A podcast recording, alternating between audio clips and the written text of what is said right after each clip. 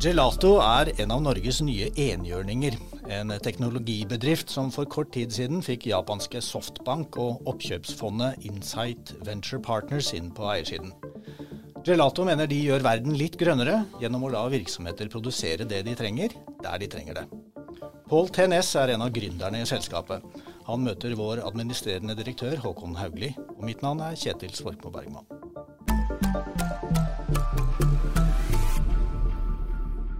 Velkommen hit, eh, Pål Næss, og velkommen tilbake.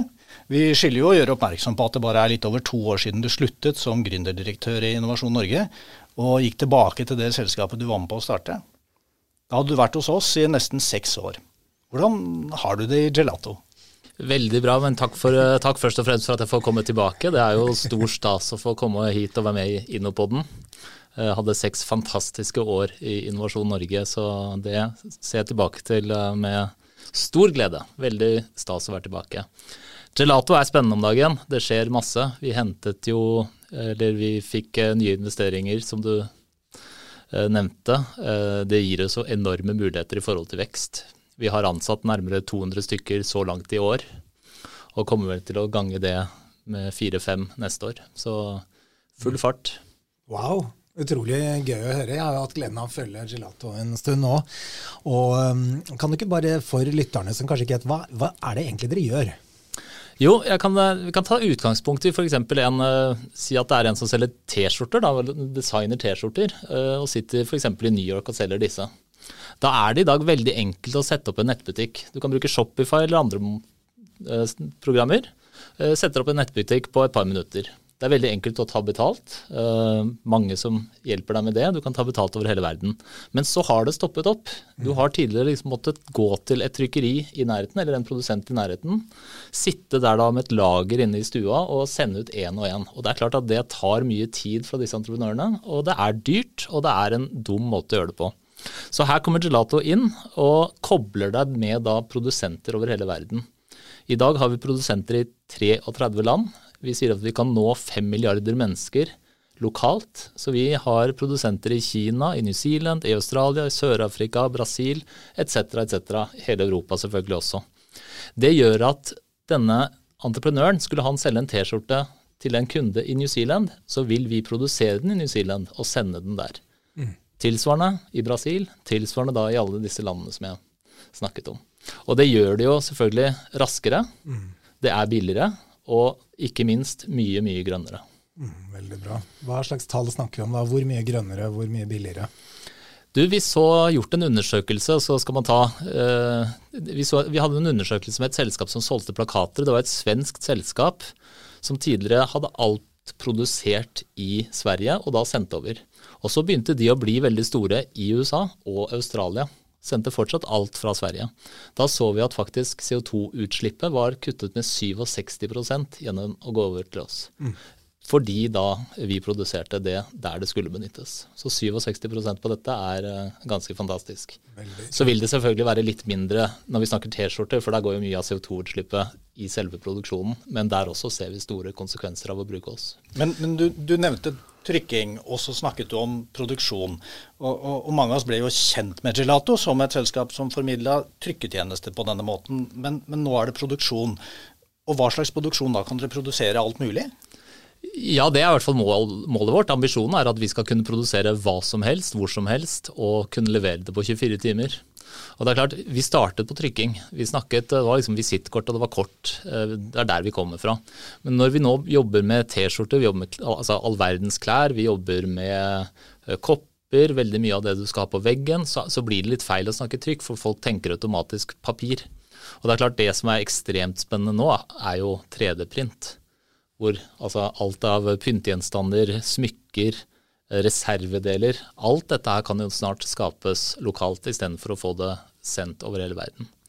Og da er det jo ingen som har kommet lenger enn oss i forhold til dette med å kunne produsere og ha da disse logistikkpartnerne som vi nå sitter med. Og Da snakker vi besparelser. Hvis du trenger en skiftenøkkel i Houston og all produksjonen stopper opp for du mangler akkurat den skruen eller noe, dere kan produsere den lokalt, eh, få i gang produksjonen raskere f.eks enormt potensial. Absolutt. Eller se for deg du skal ha nytt deksel til mobiltelefonen din. Mm. Nettopp. Istedenfor at du sitter med et kjempelager, så bare produserer du akkurat den du vil, med akkurat det designet du vil. Og du gjør det der du faktisk trenger det. Du, når vi leser om gelato i media, så er det jo både veldig sånne gode saker om at dere har tiltrukket dere utenlandske investeringer, og om at det går dårlig med de finansielle resultatene, altså på bunnlinja. Hva tenker du om det? Nei, Det her er bra du spør, for dette er en kjepphest. altså.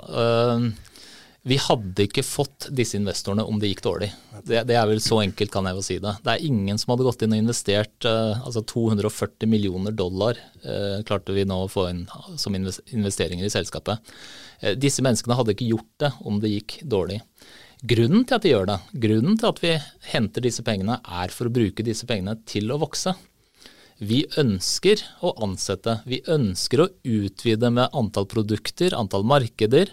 Vi ønsker å bruke disse pengene til vekst. Og da er det helt naturlig og som forventet at tallene helt nederst er røde. Hvis vi, hvis vi, skulle slutte, altså hadde vi sluttet å liksom markedsføre, hadde vi sluttet å sagt at nei, nå er vi store nok, vi trenger jo ikke være flere produkter eller flere markeder, ja, da hadde tallene snudd automatisk med en gang. Men det er jo ikke det vi vil. Vi skal bare bli større og større og større. Mm, dette syns jeg er så dårlig forstått da, i norsk offentlig debatt, egentlig, hvor lange disse investeringsfasene kan være. Og skal vi lykkes med vekstbedrifter, så vil det kreve tålmodige investorer over lang tid. Betydelige investeringer i kompetanse, markedsadgang osv. Og, så og så først kommer altså bunnlinjen. Men jo større de investeringene er som gjøres um, innledningsvis, jo lengre blir jo perioden med såkalt røde tall, da, før man er i den inntjeningsfasen. Og dette her er liksom noe med liksom kvartalslogikken kontra den lange logikken da, som treffer hverandre, og hvor, hvor vi i fellesskap og vi i Innovasjon Norge har også en rolle i dette, og, og, forklare, begrunne og få frem da, den tålmodigheten som er nødvendig for å bygge disse nye vekstselskapene. Jeg tror det er kjempeviktig. Jeg tror det er kjempeviktig i forhold til uh, hvordan mennesker ser på denne type selskaper. Mm. Du leser en dag at uh, suksesscase har hentet masse penger, og så leser du neste måned kanskje at uh, men taper fortsatt penger. Altså det er Hele meningen med å hente penger er å bruke de til å vokse.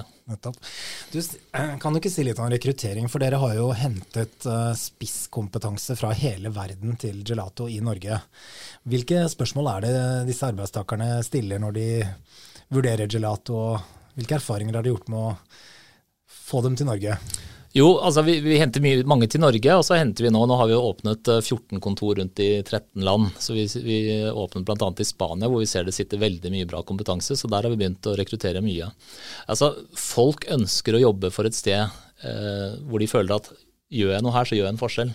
Og vi har ekstreme krav til de vi ansetter.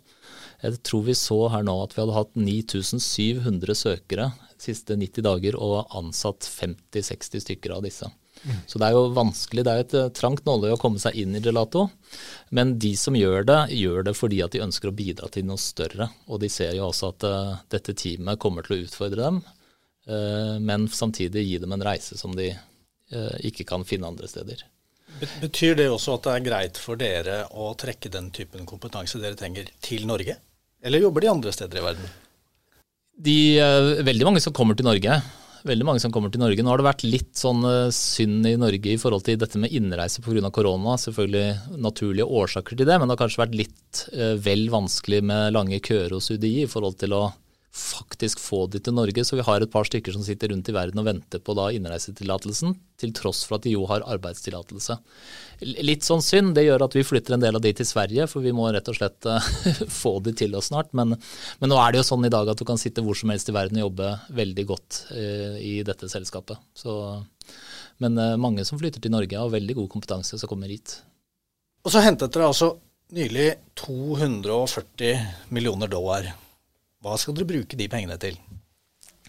Ja, Korte ord er jo å vokse, da. Men, men, det vi sa da vi gikk ut med øh, pressemeldingen i forhold til det, er, er tre ting hovedsakelig. Og det er vokse i USA. Det er eh, der denne creator economy, som det heter, det er der den vokser raskest. Altså dette med netthandel og disse små produsentene. Uh, vi skal bruke det for å vokse i Asia og vi skal bruke det til 3D-print. Så 3D-print kommer til å bli et ordentlig satsingsområde for oss framover. Vi mener det er utrolig eh, viktig at noen tar den posisjonen, og vi mener at vi er, eh, som jeg sa i sted, best stilt for å gjøre det. Du, dere er jo en av, en av, en håndfull norske enhjørninger. Betyr det noe for dere å være enhjørning, og, og er det sånn at det er en klubb for enhjørninger som, som dere er med i? Aldri. Snakker dere med de andre enhjørningene? Aldri hørt om noen sånn klubb. Og, altså jeg synes jo Vi er veldig lite opptatt av akkurat det ordet. Ja. Og jeg tror at Skulle du vært veldig opptatt av det ordet, så tror jeg kanskje at du hadde stoppet opp der og vært fornøyd. Mm. Og vi mener vel selv at vi har kommet kanskje 1% på vei. Eh, jeg tror ikke Autostore hadde vært der de er i dag, hvis, eh, og de er vel nå vært 100 milliarder eh, kroner.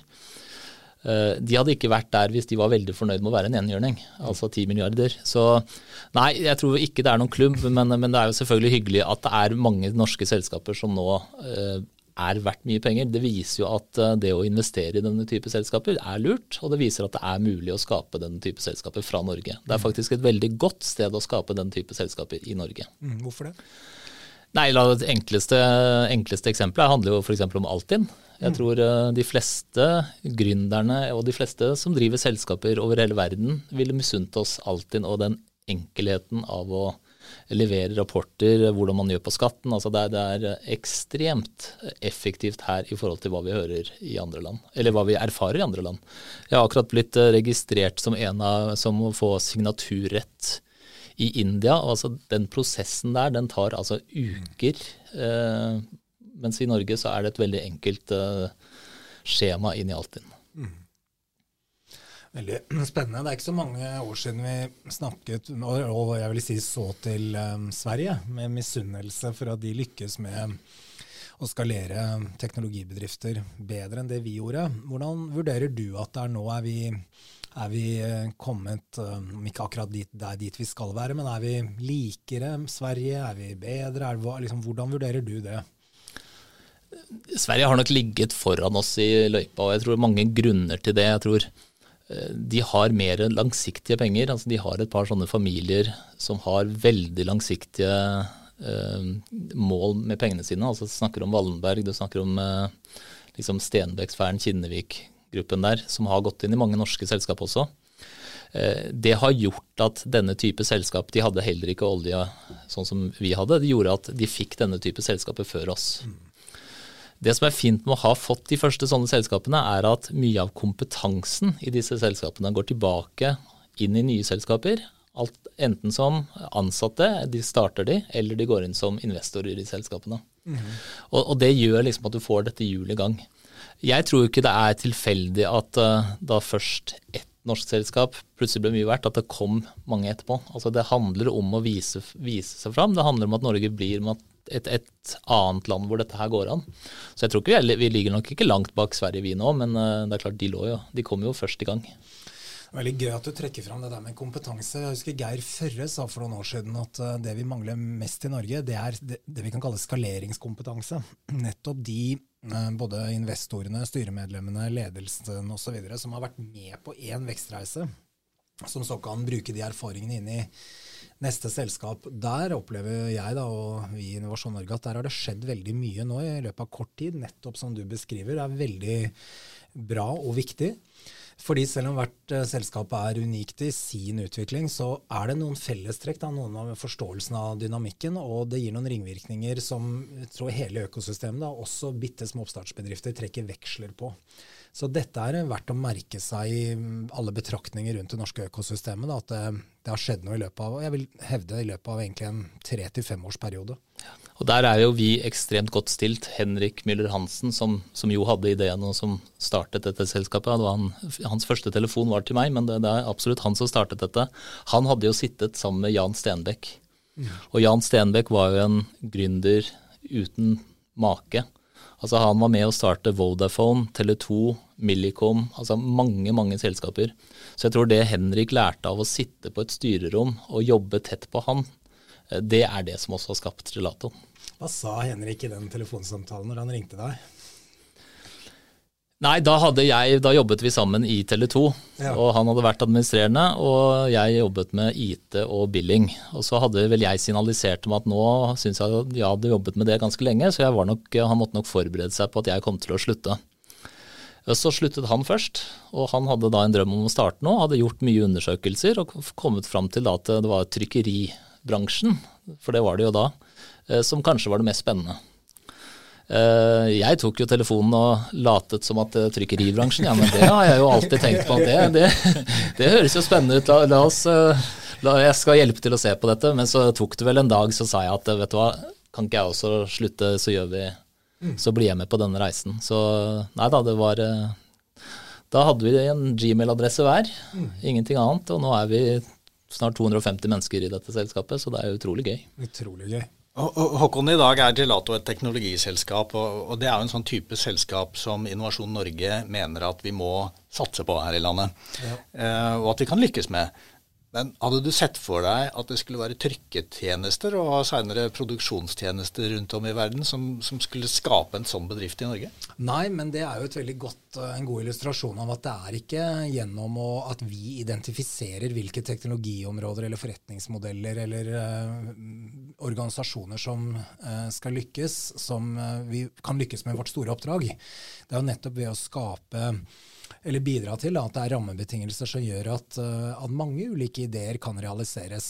Så, uh, sånn sett så tenker jeg at det er en veldig sånn, viktig leksjon i dette. Da. Der kan man fort falle for fristelsen å tenke noen områder er der vi har naturlige forutsetninger i Norge, eller naturgitte kanskje, og det er bare der vi skal satse. Og selvsagt skal vi satse på de områdene med naturgitte forutsetninger, men vel så viktig er at hele dette vi kaller økosystemet, da fungerer og gir rom for ulike typer bedrifter eh, til å lykkes. Og at vi gjennom våre ordninger, da, både låneordninger, eh, tilskuddsordninger og ikke minst det vi gjør på nettverk, eh, legger til rette for eksport, er faktisk nøytrale da, og åpne for alle. Fordi hvis det var opp til, eh, hvis vi var si, i verste fall er planøkonomisk her i landet og valgte noen vinnere, så er jeg helt sikker på at det ikke ville gått bra.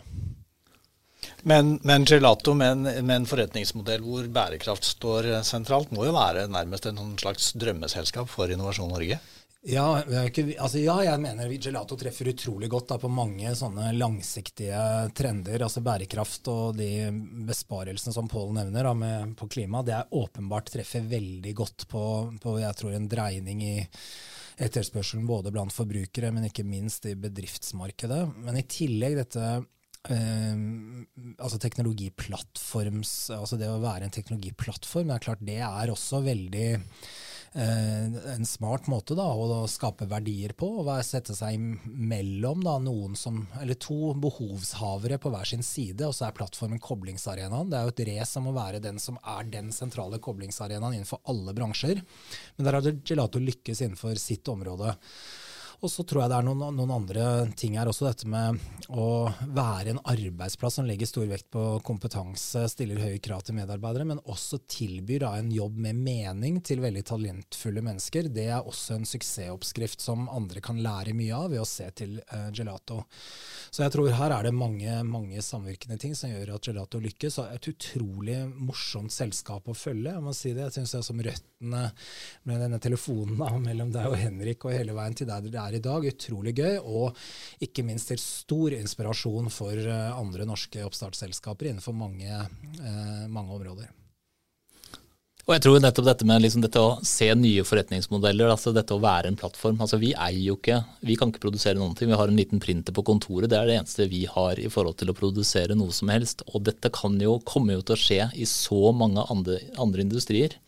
Jeg tror jo norske selskaper har en fantastisk forutsetning i forhold til det at Norge er så lite at hvis du skal bli en internasjonal kraft, skal du bli et stort selskap, så må du se ut fra dag én. Mm. Dessuten er jo liksom arbeids... Altså, eh, lønningene er relativt høye i Norge, så du er også nødt til å finne veldig effektive måter å gjøre ting på. Og det er klart, De to forutsetningene der er veldig bra for å starte selskap som potensielt kan bli veldig store. Mm. Så Pål, du, du, har nå skifta fra det private til det offentlige, og så har du gått tilbake til det private igjen. Hvor store er forskjellene, og, og skjønner det offentlige som vi representerer, de private godt nok? Jeg tror det er veldig fint at uh, folk gjør dette. og Jeg treffer jo mange som, uh, som har hoppet da fra privat offentlig tilbake. og jeg tror liksom Det å se begge sider tror jeg er veldig nyttig. Jeg tror det er nyttig for å forstå litt hvordan er det dette fungerer? altså Endrede rammebetingelser. altså Hva er det som kan skje? Jeg tror det er liksom ekstremt mye kompleksitet i det offentlige som er vanskelig å forstå. Jeg tror det, hva som ligger i altså fortelle F.eks. For da disse koronapakkene kom. Det å forstå hvor mye jobb som gjøres der for å få dette tillatt hos EØS f.eks. Altså jeg tror det er, liksom, det er verdt mye å kunne, for, altså kunne se for seg hvordan dette er. Jeg tror også uh, fra det offentlige side det å ha en forståelse av hvordan er det faktisk å drive et privat selskap. Uh, hvor er det skoen trykker? Hva er det som hvor er det forutsetningene kan gjøres enklere? Altså hvor, er det, hvor, er det, man kan gjøre lettelser, og hva er det man kan gjøre for noen endringer? Tror jeg er nyttig. Så jeg tror liksom den tosidigheten er nok noe jeg ville skulle ønske at flere fikk. Og så må jeg si, jeg har jo, som jeg sa, det var veldig, veldig gøy å jobbe i Innovasjon Norge. Det har utrolig gode minner fra de seks årene jeg var her. Fikk vært med på ekstremt mye spennende og morsomt. Og vet også hvor eh, hardt veldig mange her jobber, nettopp for å bidra til å skape flere gelator. Så setter stor pris på det, også fra den private siden. Det er hyggelig du sier det, Pål. Vår begeistring i Innovasjon Norge er jo veldig knyttet til at, at, bedrifter som Gelato lykkes. Det er jo det som motiverer medarbeidere i hele Innovasjon Norge hver dag. og jeg tenker det er utrolig viktig for oss, da, som jo tross alt, som Kjetil er inne på, er på en måte en del av utgiftssiden i statsbudsjettet. Men selve vår oppgave handler om å gjøre den inntektssiden størst mulig. Sørge for at flest mulig bedrifter skaper arbeidsplasser som både eh, kan være med å løse noen samfunnsutfordringer, men også bidra til å betale skatt og opprettholde en velferdsstat over tid, og at disse tingene henger sammen. Så vi er jo de aller første til å applaudere med hele Janitsjar-orkesteret at det går bra med Gelato. Så det er veldig, veldig gøy. og og enormt viktig for Norge at vi lykkes med bedrifter av den typen da, som Gelato er.